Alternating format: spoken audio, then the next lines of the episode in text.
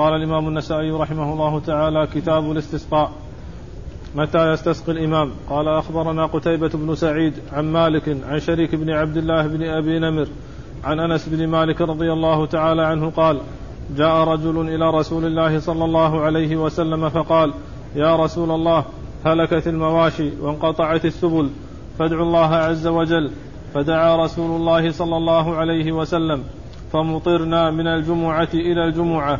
فجاء رجل إلى رسول الله صلى الله عليه وسلم فقال يا رسول الله تهدمت البيوت وانقطعت السبل وهلكت المواشي. فقال اللهم على رؤوس الجبال والآكام وبطون الأودية ومنابت الشجر. فانجابت عن المدينة انجياب الثوب. بسم الله الرحمن الرحيم. الحمد لله رب العالمين وصلى الله وسلم وبارك على عبده ورسوله نبينا محمد وعلى آله وأصحابه أجمعين. أما بعد يقول النسائي رحمه الله كتاب الاستسقاء.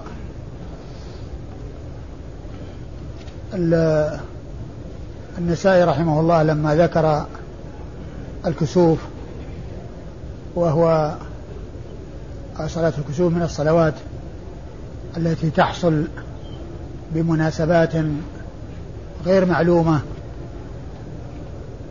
وذلك بوجود الكسوف فشرعت الصلاة.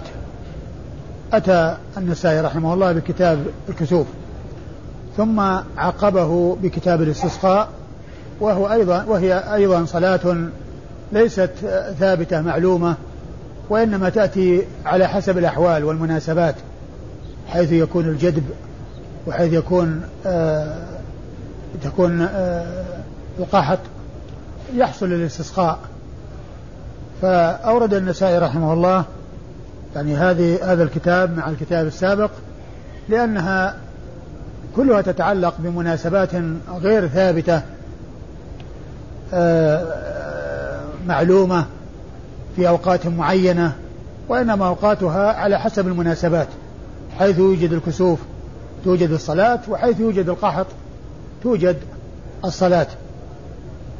والاستسقاء هو طلب السقيا الاستسقاء هو طلب السقيا وهو دعاء الله عز وجل بأن يسقي الناس وأن ينزل وأن ينزل عليهم الغيث. هذا هو المراد بالاستسقاء طلب السقيا ثم ورد النسائي باب آه، متى متى يستسقي الإمام؟ متى يستسقي الإمام؟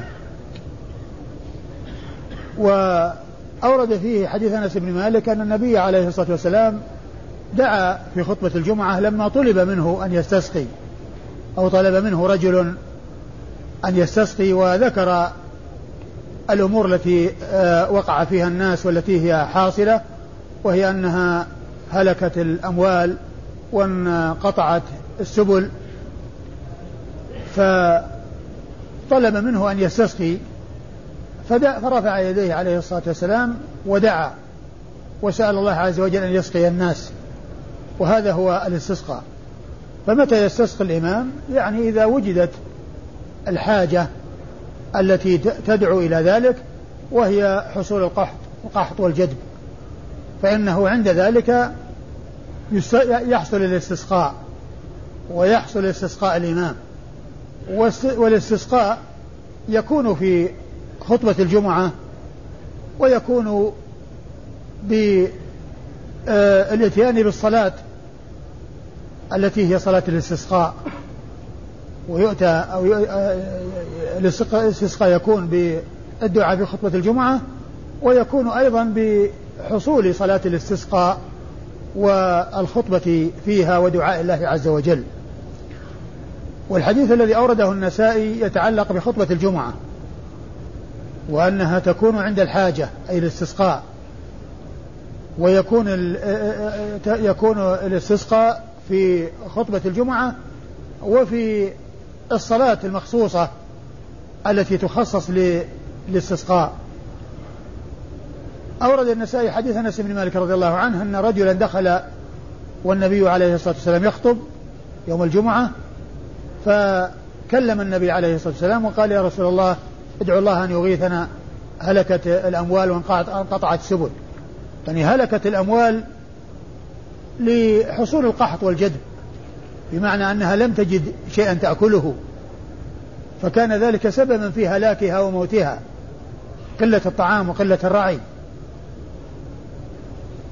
وانقطعت السبل يعني ما كان عند الإبل القدرة بسبب الهزال وعدم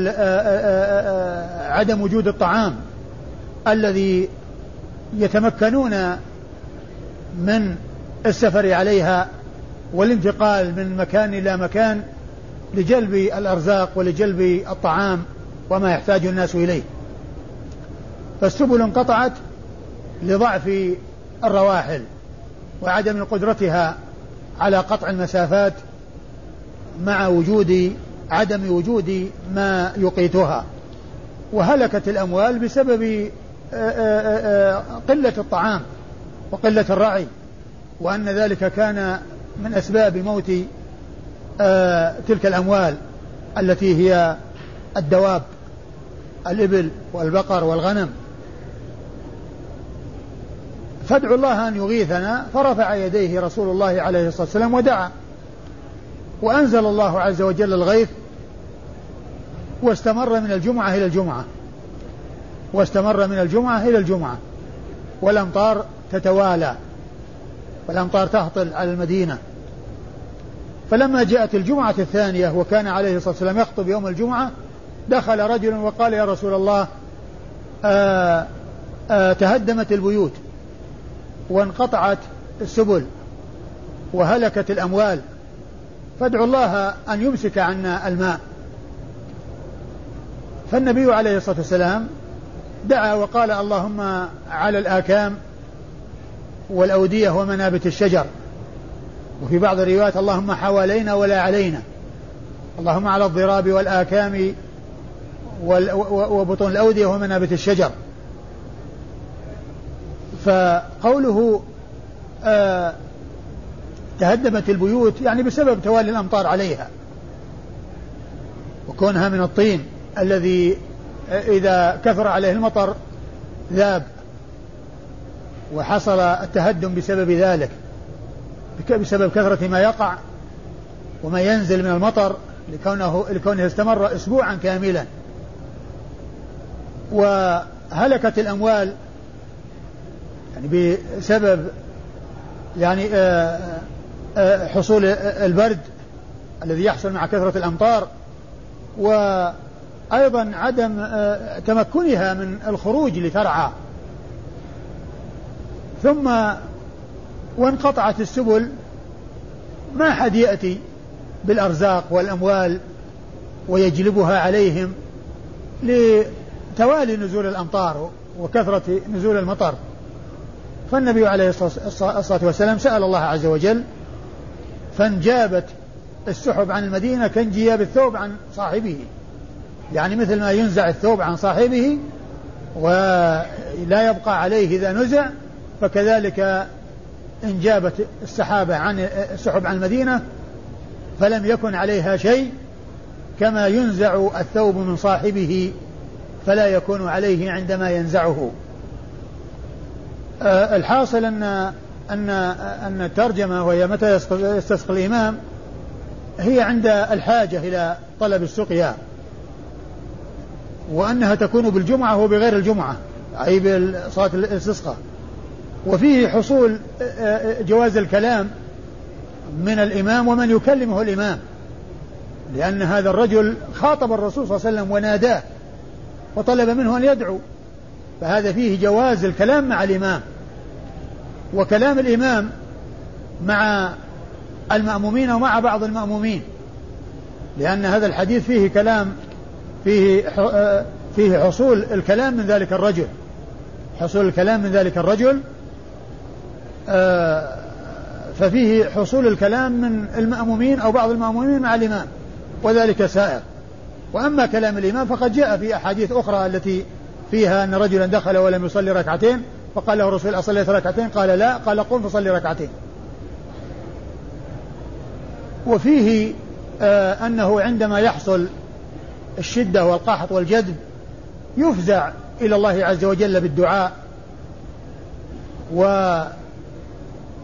و آه كذلك آه أن أن أن خطبة الجمعة يعني يستسقى بها ويحصل الاستسقاء في خطبة الجمعة لأن الحديث يتعلق بخطبة الجمعة لأنه كان في خطبة الجمعة.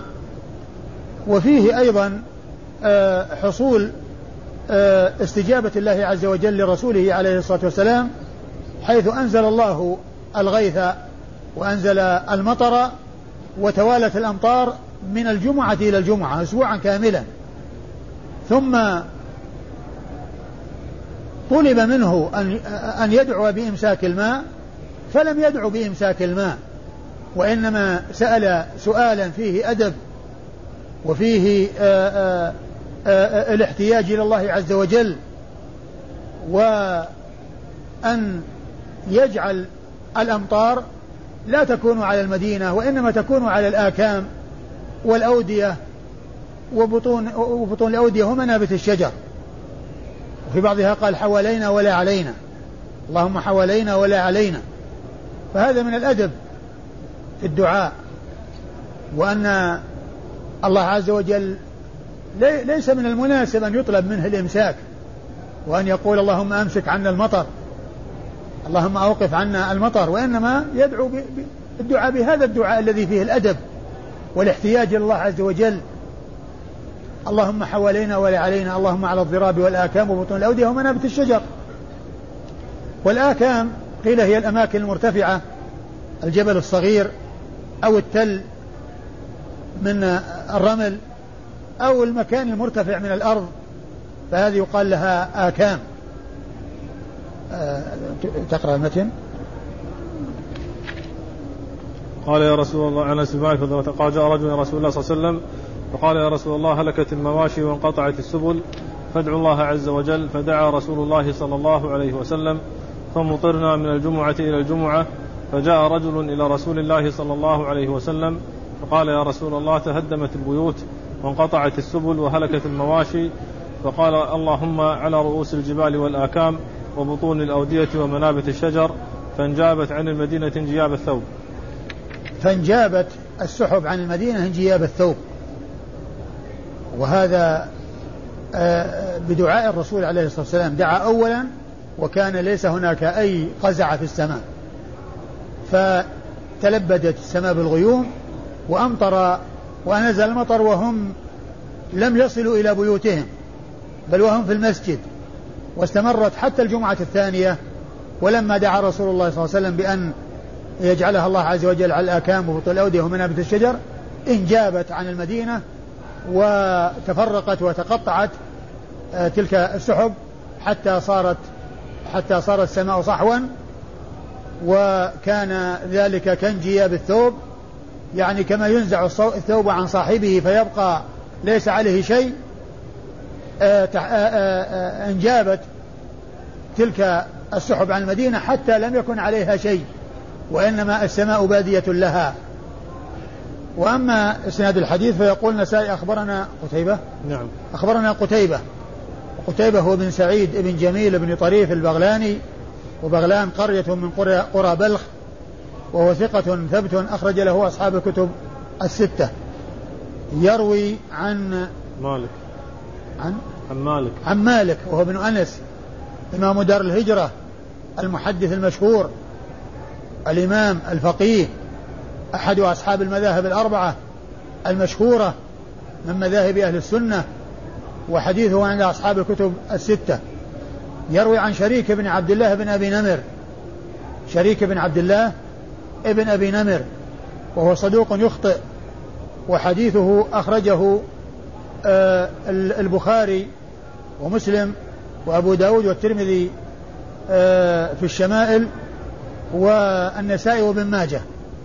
هؤلاء هم الذين أخرجوا لشريك بن عبد الله ابن أبي نمر وهو غير شريك آه، ابن عبد الله القاضي لأن هذا طبقة متقدمة يروي عن الصحابة. وأما شريك القاضي فهو متأخر يعني يروي عنه شيوخ شيوخ الب... يعني من طبقة شيوخ شيوخ البخاري. يعني يروي عنه قتيبة ويروي عنه غيره. فهو متأخر الطبقة عن هذا أما هذا فهو متقدم.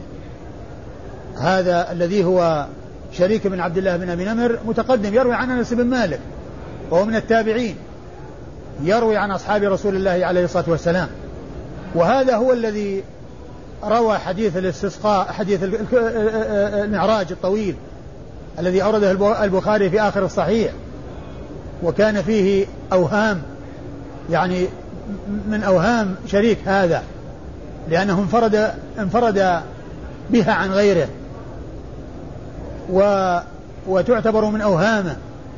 قد ذكرها العلماء ذكرها ابن حجر وذكرها ابن كثير في تفسير سورة الإسراء في أولها أنه ذكر الأوهام التي حصلت وهو من أحاديث البخاري التي وجد فيها أوهام. التي وجد فيها أوهام وأنكرت على شريك هذا. وهي من الأحاديث التي ليس عنها جواب في صحيح البخاري. ليس عنها جواب لأن أكثر الأحاديث التي انتقدت على البخاري أجيب عنها والحق في أغلبها مع البخاري لا مع من اعترض عليه وانتقده. ولكن هذا الحديث مما انتقد ولم يكن له جواب لأن شريكا انفرد بأمور لم يتابع عليها فعدت من أوهامه. وقد جمعها ابن كثير في آه، أو في أول التفسير, أول تفسير سورة الإسراء وكذلك أشار إليها الحافظ بن حجر وذكرها غيره. آه، ومسلم رحمه الله ما أورد ما أورد حديث شريك بل أورد حديث أنس من طريق ثابت البناني. ثم ذكر الإسناد إلى من طريق شريك ولم يذكر لفظه بل قال فقدم وأخر وزاد ونقص. يعني قدم وأخر وزاد ونقص على حديث ثابت البناني لأنه ما أورد له شريك شريك شريك بن عبد الله بن أبي نمر بل أورد رواية ثابت البناني عن أنس وأحال عليها عندما جاء في رواية شريك وما ولم يذكر لفظها. بل قال فيها فزاد وقدم فقدم وأخر وزاد ونقص. فقدم وأخر يعني في رواية في رواية ثابت البناني وزاد عليها ونقص منها. وأما البخاري فساقها بلفظ شريك بن عبد الله ابن أبي نمر هذا. وصار فيها أوهام اختص بها فاعتبرت من أغلاطه وأوهامه أي أوهام شريك. ويروي عن أنس بن مالك صاحب رسول الله عليه الصلاة والسلام وحديثه وهو أحد السبعة المعروفين بكثرة الحديث عن رسول الله عليه الصلاة والسلام. وهم أبو هريرة وابن عمر وابن عباس وأنس وجابر وأبو سعيد وأم المؤمنين عائشة. هؤلاء السبعة تميزوا عن غيرهم من أصحاب الرسول صلى الله عليه وسلم بالإكثار من رواية الأحاديث عنه عليه الصلاة والسلام ورضي الله تعالى عنهم وعن الصحابة أجمعين. وهذا الإسناد من رباعيات النسائي من أعلى ما يكون عند النسائي. لأن أعلى ما يكون عند النسائي الأسانيد الرباعية التي يكون فيها بين النسائي وبين رسول الله عليه الصلاة والسلام أربعة أشخاص. وكانت وفاة النسائي سنة 303 استكمل القرن الثالث ومات في أوائل الرابع.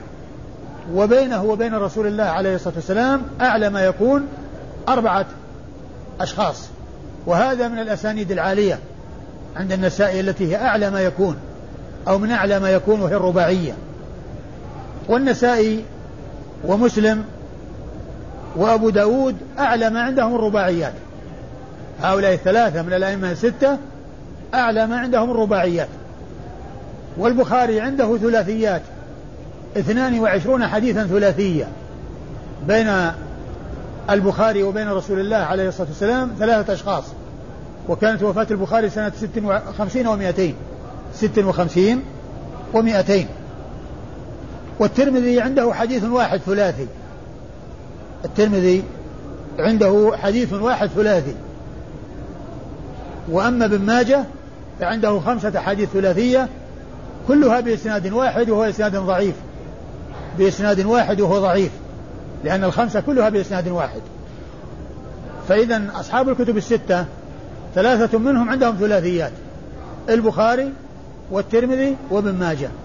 وثلاثة ليس عندهم ثلاثيات بل أعلى ما عندهم الرباعيات وهم مسلم وأبو داود والنسائي. نعم. قال رحمه الله تعالى خروج الإمام إلى المصلى للاستسقاء.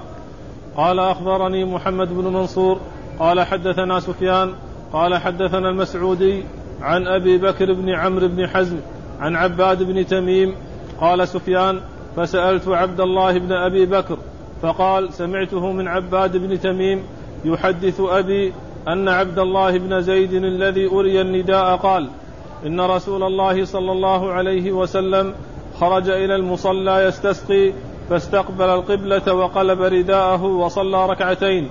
قال أبو عبد الرحمن هذا غلط من ابن عيينة وعبد الله بن زيد الذي أري النداء هو عبد الله بن زيد بن عبد ربه وهذا عبد الله بن زيد بن عاصم. ثم ورد النسائي آه خروج آه خروج الإمام إلى المصلى للاستسقاء. خروج الإمام إلى المصلى للاستسقاء أي مصلى العيد مصلى مصلى الاستسقاء أو مصلى العيد ال ال ال ال الأماكن التي تكون في الخلاء وتكون مواضع يصلى بها الاستسقاء ويصلى بها العيدين. خرج الرسول صلى الله عليه وسلم إلى المصلى وقلب رداءه واستسقى وصلى بالناس ركعتين. وصلى بالناس ركعتين. ففيه الخروج إلى المصلى. وأنه يستحب الخروج إلى المصلى حيث يوجد أو حيث يحصل التمكن من ذلك. والرسول عليه الصلاة والسلام كان يخرج إلى المصلى. كان عليه الصلاة والسلام يخرج إلى المصلى للاستسقاء كما أنه يخرج إلى المصلى للعيدين. كما أنه يخرج إلى المصلى للعيدين. ففيه أنه كما يستسقى في خطبة الجمعة كذلك أيضا يستسقى في آه الخروج إلى المصلى وإيجاد الصلاة المشروعة للاستسقاء وحصول الدعاء في الخطبة التي آه حصول آه الدعاء في الخطبة. يعني كما يدعى في خطبة الجمعة يدعى في خطبة الاستسقاء. والرسول صلى الله عليه وسلم فعل هذا وهذا. استسقى في خطبة الجمعة واستسقى بخروجه إلى المصلى. صلوات الله وسلامه وبركاته عليه. والحديث من رواية عبد الله ابن زيد بن عاصم الأنصاري وليس من رواية عبد الله بن زيد بن عبد ربه الأنصاري الذي أري الأذان. فالذي أري الأذان هو عبد الله بن زيد بن عبد ربه. وأما عبد الله بن زيد بن عاصم فهذا شخص آخر غير غير ذاك. وهذا مما يسمونه في علم المصطلح المتفق والمفترق. المتفق والمفترق. وهي أن تتفق أسماء الرواة أو مع أسماء آبائهم وتختلف أشخاصهم. يعني يكون اسماء يتفق الاسم أو الاسم واسم الأب وهما شخصان.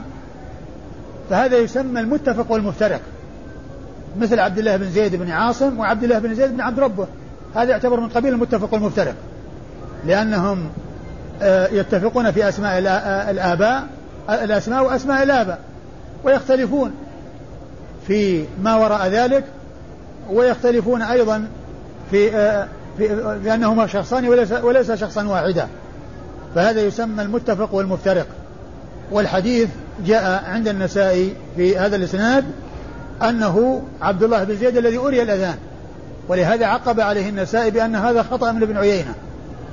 خطأ من ابن عيينة. فإن الذي أري الأذان ليس هذا وإنما هو عبد الله بن زيد بن عبد ربه. وأما هذا الذي روى حديث الاستسقاء هو عبد الله بن زيد بن عاصم. عبد الله بن زيد بن عاصم المازني. هذا هو هذا غير ذاك. ولهذا قال هذا خطأ من ابن عيينة. أخطأ فنسب آه هذا الذي روى حديث الاستسقاء آه آه أنه عبد الله بن زيد الذي أري الأذان. وليس الواقع كذلك بل الذي أري الأذان هو عبد الله بن زيد بن عبد ربه وهذا عبد الله بن زيد بن عاصم. الذي يروي عنه عباد بن تميم وهو ابن أخيه لأم لأمه. ابن أخيه لأمه. آه والإسناد يقول النسائي أخبرنا محمد بن منصور. محمد بن منصور وهو الجواز المكي ثقة أخرج حديثه النسائي يروي عن سفيان وسفيان هو بن عيينة الهلالي المكي وهو ثقة حجة فقيه إمام أخرج حديثه أصحاب الكتب الستة. آه يروي عن أبي بكر. عن أبي بكر؟ عن المسعودي. عن المسعودي. وهو عبد الرحمن ابن عبد الله ابن عتبة بن مسعود المسعودي الكوفي وهو آه وهو صدوق اختلط قبل موته وقال عنه الحافظ ضابطه أن ما حدث عنه ببغداد فبعد الاختلاط أن ما حدث منه بعد في بغداد فبعد الاختلاط. ومن المعلوم أن المختلط ما حدث عنه بعد الاختلاط فإنه لا يعول عليه وما حدث عنه قبل الاختلاط فهو المعول عليه وما آه، جهل هل كان قبل الاختلاط أو بعد الاختلاط أو قبله فإنه أيضا لا يعول عليه ولا يعتمد على شيء مما آه، رواه إلا إذا عرف أنه قبل الاختلاط لأنه يكون بذلك سلم مما حصل له وهو الاختلاط. أه وحديثه أخرجه البخاري تعليقا وأصحاب السنن الأربعة. عن أبي بكر. عن أبي بكر ابن محمد بن عمرو بن حزم الأنصاري المدني وهو ثقة عابد أخرج حديثه أصحاب الكتب الستة وقيل إن اسمه كنيته. يعني أبو بكر بن محمد بن عمرو بن حزم اسمه كنيته. أبو بكر لا يعرف له اسم.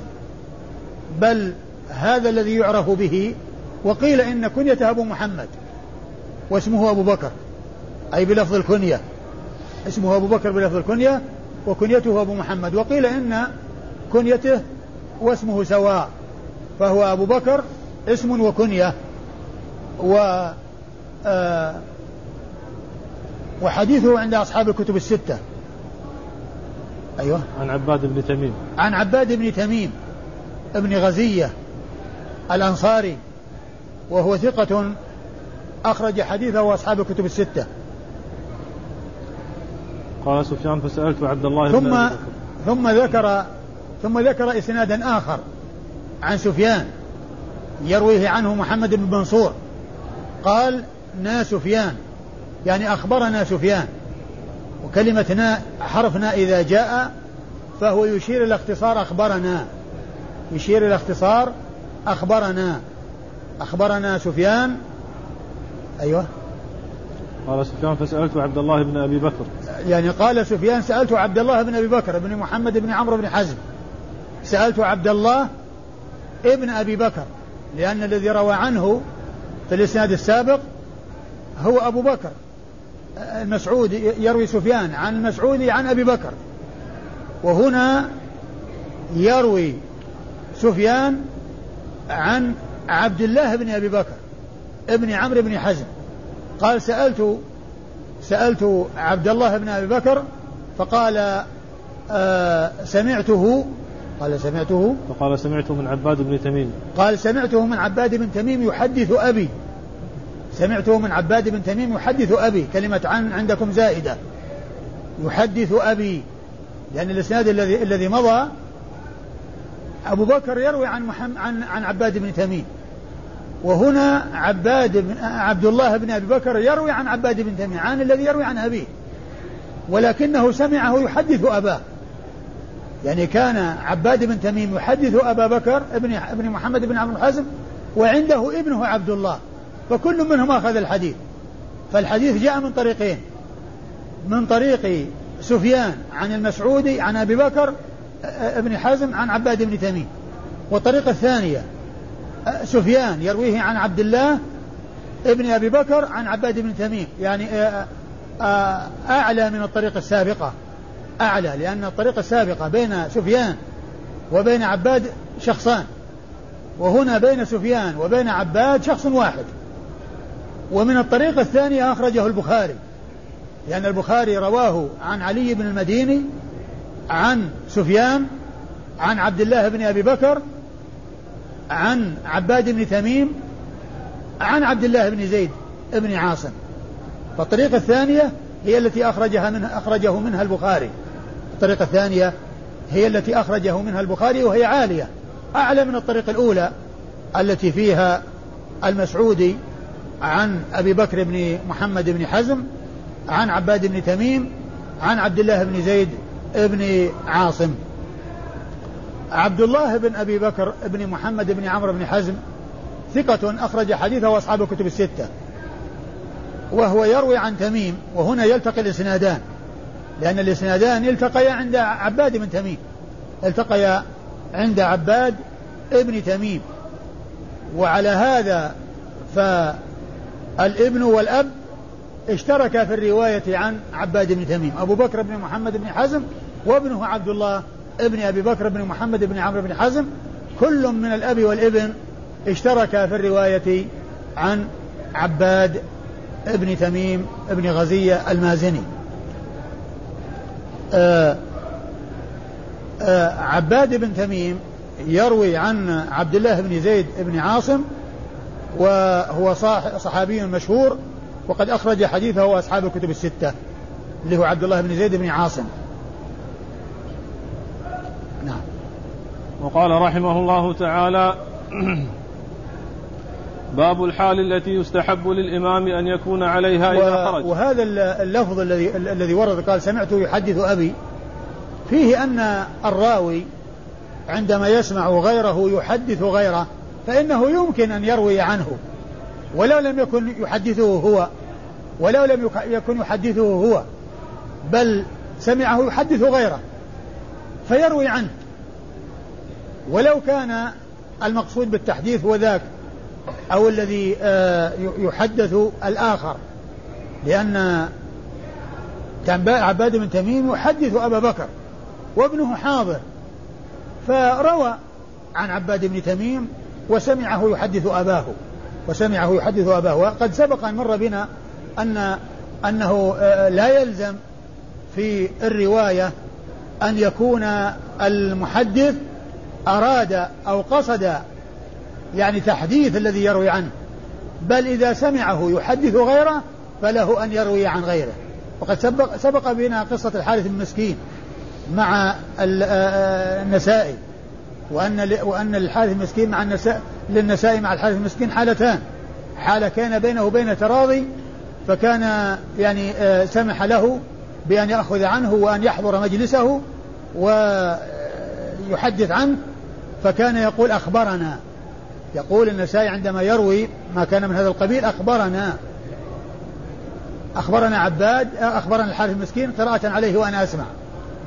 وفي وكان في وقت من الأوقات حصل بينه وبينه يعني شيء من سوء التفاهم والوحشة فكان منعه أن يحضر مجلسه. فكان يأتي ويجلس وراء الستار ويسمع الحديث فيحدث عنه ولكنه لا يقول أخبرني لأنه ما قصد إخباره وإنما يقول الحارث المسكين قراءة عليه وأنا أسمع أو قال الحارث المسكين قراءة عليه وأنا أسمع. وقد سبق أن مر بنا قريبا الإسناد الذي فيه الذي هو من هذا القبيل والذي قال فيه آه، أبو بكر بن السني قال أبو عبد الرحمن قال الحارث المسكين قراءة عليه وأنا أسمع. قال أبو عبد الرحمن يعني النسائي. لأنه ما في أخبرنا. النسائي ما قال أخبرنا. لأن هذه الحالة من الحالات التي ما كان أذن له. لكن من حيث الرواية يجوز لمن سمع المحدث أن يحدث أن يأخذ عنه. يقول سمعت فلان يقول كذا وكذا. أو أو آه، قال فلان كذا. وإن لم يقصد تحديثه ما دام أنه وجد السماع وحصل السماع. فهنا يقول سمعت آه، عباد بن تميم يحدث أبي. ما كان يحدثه يحدث أباه وهو روى بالإسناد. وهو الذي اعتمده البخاري. الذي اعتمده البخاري هي رواية عبد الله ابن أبي بكر عن عباد بن تميم وأنه سمعه يحدث أباه. وأنه سمعه يحدث أباه. أيوة. قال رحمه الله أخبرنا إسحاق بن منصور ومحمد بن المثنى عن عبد الرحمن عن سفيان عن هشام بن إسحاق بن عبد الله بن كنانة عن أبيه قال أرسلني فلان إلى ابن عباس أسأله عن صلاة رسول الله صلى الله عليه وسلم في الاستسقاء فقال خرج رسول الله صلى الله عليه وسلم متضرعا متواضعا متبذلا فلم يخطب نحو خطبتكم هذه فصلى ركعتين. ثم أورد النسائي حديث آه، آه، ابن عباس رضي الله تعالى عنهما الذي آه، إيش الباب؟ باب الحال التي يستحب للإمام أن يكون عليها إذا خرج باب الحال التي يكون يستحب للإمام أن يكون عليها إذا خرج وكذلك أيضا غيره يخرجون كذلك لأن الأشياء التي يفعلها رسول الله عليه الصلاة والسلام يقتدى به فيها إلا إذا عرف أنها من خصائصه. إلا إذا عرف أن هذا فعل يختص به فعند ذلك لا لا يتابعه غيره في ذلك. وإلا فإنما يفعله الرسول عليه الصلاة والسلام تفعله أمته تبعا له. إلا إذا عرف أن هذا من خصائصه عليه الصلاة والسلام فعند ذلك لا يتابع عليه لأنه من خصائصه التي لا تكون لغيره صلى الله عليه وسلم. والحال التي يكون عليها يعني كونه يخرج متواضعا متخشعا متبذلا آه، آه، يعني آه، لا لا يكون لابسا الألبسة التي فيها الهيئة والجمال والزينة. هذا هو معنى التبذل كونه متبذلا. آه هذا بيان للحالة أو المقصود الحالة التي يكون عليها عندما يخرج في الاستسقاء. ثم أورد النسائي حديث ابن عباس أنه أن أن أن إسحاق ابن ابن عبد الله بن كنانة. نعم. إسحاق بن عبد الله بن كنانة قال أرسلني فلان إلى ابن عباس أسأله عن آه عن الاستسقاء. عن نعم عن صلاة رسول الله صلى الله عليه وسلم في الاستسقاء. عن صلاة رسول الله صلى الله عليه وسلم في الاستسقاء. وهنا أبهمه فقال فلان وهذا يسمى المبهم. المبهم أن يقال فلان أو يقال رجل. وأما المهمل أن يذكر اسمه ولكنه لا ينسب مثل ما إذا قيل سفيان ولم يقال ابن عيينة ولا الثوري. هذا قال له مهمل. وأما إذا ذكر يعني آه، شخص بغير لفظ يدل عليه ليس في ذكر اسمه وإنما قيل رجل أو فلان أو امرأة أو ما إلى ذلك فهذا يسمى آه، مبهم. هذا يسمى المبهم. وقد جاء في بعض الروايات أنه آه، الوليد بن عقبة أمير المدينة أرسله إلى ابن عباس يسأله. ولهذا جاء في بعض الروايات عن إسحاق بن عبد الله بن كنانة أنه قال سألت ابن عباس وفي بعضها قال أرسلني فلان إلى ابن عباس أسأله وكلها صحيح لأنه هو الذي سأله هو الذي سأله وتولى المباشرة السؤال ولهذا قال سألته سألته وقد أرسل ليسأل فكونه أرسله وفي بعضها أنه قال أنني سألته ولم يقل أرسلني يعني آه النتيجة واحدة. هو وجد منه السؤال ولكنه آه مندوبا عن غيره أو موكلا في السؤال ليسأل ابن عباس. فسأله فأجابه بأن النبي صلى الله عليه وسلم خرج آه آه متضرعا متخشعا آه متبذلا. آه إيش؟ لم يخطب كخطبتكم هذه؟ نعم خرج متضرعا متواضعا متبذلا. متضرعا متضرعا نعم متضرعا. متضرعا متواضعا متبذلا. أيوه. فلم يخطب نحو خطبتكم هذه. أيوة. فصلى ركعتين. ها؟ فصلى ركعتين. فصلى ركعتين. أيوه. بس انتهى. ما فيها فدعا؟ لا ما فيها. إيه هذا سيأتي وإنما المقصود هنا بيان الهيئة التي يكون عليها والمقصود إنه متضرع متواضع متبذل. هذه الهيئة التي يكون عليها وهذا المقصود من إيراد الحديث. والحديث سيأتي يعني من طرق أخرى وفيه أنه أنه دعا يعني واستسقى عليه الصلاة والسلام إيش الإسناد؟ أخبرنا إسحاق بن منصور ومحمد بن إسحاق بن منصور هو الكوسج هو المروزي الملقب الكوسج وهو ثقة أخرج ثقة حافظ أخرج حديثه آه، البخاري ومسلم والترمذي والنسائي وابن ماجه.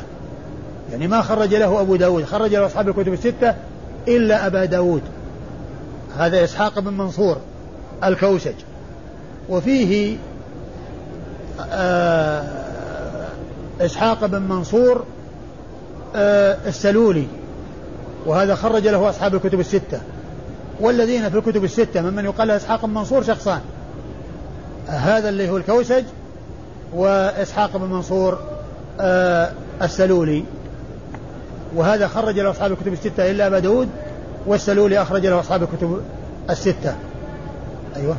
ومحمد بن المثنى. ومحمد بن المثنى أيضا شيخ الثاني.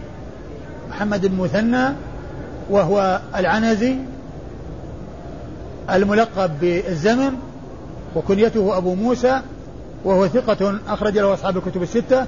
بل هو شيخ لأصحاب الكتب الستة روى عنه مباشرة وبدون واسطة. ومثله محمد بن بشار ويعقوب بن إبراهيم الدورقي. هؤلاء الثلاثة شيوخ لأصحاب الكتب الستة. آه، أو هؤلاء الثلاثة من شيوخ أصحاب الكتب الستة. أيوة. عن عبد الرحمن. عن عبد الرحمن وهو بن مهدي البصري ثقة ناقد عالم بالرجال والعلل وحديثه أخرجه أصحاب الكتب الستة. عن سفيان. عن سفيان وهو الثوري. سفيان بن سعيد بن مسروق الثوري. ثقة آه ثبت إمام حجة فقيه. وصف بأنه أمير المؤمنين في الحديث. وهي من أعلى صيغ التعديل وأرفعها. وحديثه عند أصحاب الكتب الستة. عن هشام بن إسحاق بن عبد الله بن عن هشام بن إسحاق بن عبد الله بن كنانة. وهو مقبول. أخرج حديثه أصحاب السنة الأربعة. عن أبيه إسحاق بن عبد الله بن كنانة هو صدوق. أخرج حديثه أصحاب السنن الأربعة. عن؟ قال أرسلني فلان إلى ابن عباس. آه عن ابن عباس لأنه يروي عن ابن عباس لأنه هو الذي سأل ابن عباس. أما فلان الذي لم لم يذكره فسواء عرف أو لم يعرف لأنه ما له دخل في الإسناد. لأن لأن الإسناد هو آه، آه، إسحاق يروي عن ابن عباس وهو الذي سأله. وهو الذي يحدث عن ابن عباس وإنما ذاك هو كان السبب في السؤال أو الذي هو أرسل من أجل السؤال ليس من رواة الإسناد وإنما الرواة الراوي هو إسحاق يروي عن ابن عباس وهو الذي سأله هو الذي أجابه. أجابه ابن عباس فسمع الجواب فهو يحدث عن ابن عباس وقد سمع منه الجواب الذي أجاب به عندما سئل عن الهيئة أو الحال التي كان عليها رسول الله صلى الله عليه وسلم عندما خرج يستسقي وعبد الله بن عباس آه هو آه أحد العبادلة الأربعة من أصحاب رسول الله عليه الصلاة والسلام وأحد السبعة المعروفين بكثرة الحديث عن رسول الله صلى الله عليه وسلم. والحديث هو من رواية آه عبد الله آه حديث من رواية هشام ابن إسحاق وقال عنه الحافظ في التقريب أنه مقبول وجاء من طرق أخرى ما يشهد له فهو حديث ثابت ويعني معتبر لأنه قد توبع على ذلك ووجد ما يعضده والمقبول حديثه يقبل إذا اعتضد وإذا جاء ما يشهد له. أيوة. وقال رحمه الله تعالى أخبرنا قتيبة قال حدثنا عبد العزيز عن عمارة بن غزية عن عباد بن تميم عن عبد الله بن زيد رضي الله تعالى عنه أن رسول الله صلى الله عليه وسلم استسقى وعليه خميصة سوداء. ثم أورد النسائي آه هذا الحديث عن عبد الله بن زيد بن عاصم أن النبي صلى الله عليه وسلم استسقى وعليه خميصة سوداء. فهذا يبين الهيئة التي كان عليها رسول الله عليه الصلاة والسلام. والخميصة هي الكساء هي كساء. وهنا قال سوداء. يعني فهذا يبين اللباس الذي كان عليه عليه الصلاة والسلام لما خرج يستسقي. آه الحديث الأول بين أنه كان متخشعا متذللا متضر أنه متضرعا متواضعا متبذلا. وهنا قال عليه خميصة سوداء. والإسناد أخبرنا قتيبة. أخبرنا قتيبة وقد مر ذكره. قال حدثنا عبد العزيز. قال حدثنا عبد العزيز وهو محمد الدراوردي. عبد العزيز بن محمد الدراوردي وهو صدوق أخرج حديثه أصحاب الكتب الستة. عن عمارة بن غزية. عن عمارة بن غزية. عن عمارة بن غزية وهو ثقة أخرج له. البخاري تعليقا ومسلم أصحاب السنن. نعم عمارة بن غزية أخرج له البخاري تعليقا. ومسلم وأصحاب السنن الأربعة. قال فيه لا بأس به. ها؟ قال فيه عنه لا بأس به. نعم لا بأس به نعم. لا بأس به لا بأس به وهي تعادل صدوق. لا بأس به وهي تعادل صدوق. يعني دون الثقة. عمارة بن غزية صدوق. آه، لا بأس به هي تعادل صدوق. كما ذكر ذلك الحافظ في التقريب. صدوق ومثلها لا بأس به وليس به بأس. هذه في درجة واحدة وهي دون الثقة. يعني ممن يكون حديثه حسنا. إذا انفرد حسنا لذاته. أيوة. عن عباد بن تميم عن عبد الله بن زيد. عن عباد بن تميم عن عبد الله بن زيد وقد مر ذكرهما. وقال رحمه الله تعالى باب جلوس الإمام على المنبر للاستسقاء. قال أخبرنا محمد بن عبيد بن محمد. قال حدثنا حاتم بن إسماعيل عن هشام بن إسحاق بن عبد الله بن كنانة عن أبيه قال سألت ابن عباس عن صلاة رسول الله صلى الله عليه وسلم في الاستسقاء فقال خرج رسول الله صلى الله عليه وسلم متبذلا متواضعا متضرعا فجلس على المنبر فلم يخطب خطبتكم هذه ولكن لم يزل في الدعاء والتضرع والتكبير وصلى ركعتين كما كان يصلي في العيدين. ثم أورد النسائي آه هذه الترجمة وهي وهي؟ باب جلوس الإمام على المنبر. جلوس الإمام على المنبر في الاستسقاء. يعني يكون الاستسقاء فيه خطبة وأنها تشتمل على الذكر والدعاء وطلب السقيا. وقد أورد فيه النسائي حديث ابن عباس رضي الله تعالى عنهما الذي فيه أن إسحاق بن عبد الله بن كنانة سأل ابن عباس وهنا قال سألت ابن عباس وهنا قال أصلني فلان أسأل ابن عباس. وهنا ما ذكر المرسل وإنما قال إنني سألت ابن عباس. فقال إن النبي عليه الصلاة والسلام خرج متواضعا متضرعا متبذلا آه، فجلس على فجلس على المنبر. فلم يخطب خطبتكم هذه. ولم فلم يخطب خطبتكم هذه. وجعل ولكن لم يزل في الدعاء والتضرع والتكبير وصلى ركعتين لم يزل في الدعاء والتضرع والتكبير وصلى ركعتين. ففيه ركعتين كصلاة العيد. وهذا فيه بيان أن أن صلاة الاستسقاء كصلاة العيد. أن صلاة الاستسقاء هي كصلاة العيدين. وفيه هنا قال جلس على المنبر. جلس على المنبر. ويحتمل أن يكون المقصود من ذلك أن يكون يعني كان على المنبر وخطب. ويحتمل أن يكون الجلوس. لكن معروف من هديه عليه الصلاة والسلام أنه كان يخطب قائما. أن خطبه التي تكون في المجامع العامة مثل الجمع ومثل آه، التي يجتمع فيها الناس أن يكون قائما حتى يراه الناس صلوات الله وسلامه وبركاته عليه. وهنا قال جلس فيحتمل أن يكون المقصود بالجلوس معناه وأنه, وأنه جلس على المنبر وأن يكون أنه صار على المنبر فخطب الناس. نعم. قال أخبرنا محمد بن عبيد بن محمد. أخبرنا محمد بن عبيد بن محمد المحاربي. المحاربي وهو وهو ثقة وهو صدوق. وهو صدوق أخرج حديثه أبو الترمذي والنسائي بن ماجه. أبو داود والترمذي والنسائي. أبو داود والترمذي والنسائي. صدوق أخرج حديثه أبو داود والترمذي والنسائي. قال حدثنا حاتم بن قال حدثنا حاتم هو بن إسماعيل. وهو صدوق يهم. وصحيح الكتاب. أخرج حديثه أصحاب الكتب الستة. عن هشام بن إسحاق بن عبد الله بن كنانة. عن هشام بن إسحاق عن ابن عباس وقد مر ذكر الثلاثة. عن أبيه قريبا ها؟ عن هشام بن إسحاق عن, عن أبيه عن ابن عباس. نعم عن هشام بن إسحاق عن أبيه عن ابن عباس. وقد مر ذكر الثلاثة. هشام آه هشام مقبول حديثه عند أصحاب السنة أصحاب السنة الأربعة وأبوه صدوق حديثه عند أصحاب السنة الأربعة. وقال رحمه الله تعالى تحويل الإمام ظهره إلى الناس عند الدعاء في الاستسقاء. أه والله تعالى أعلم وصلى الله وسلم وبارك على عبده ورسوله نبينا محمد وعلى آله وأصحابه أجمعين.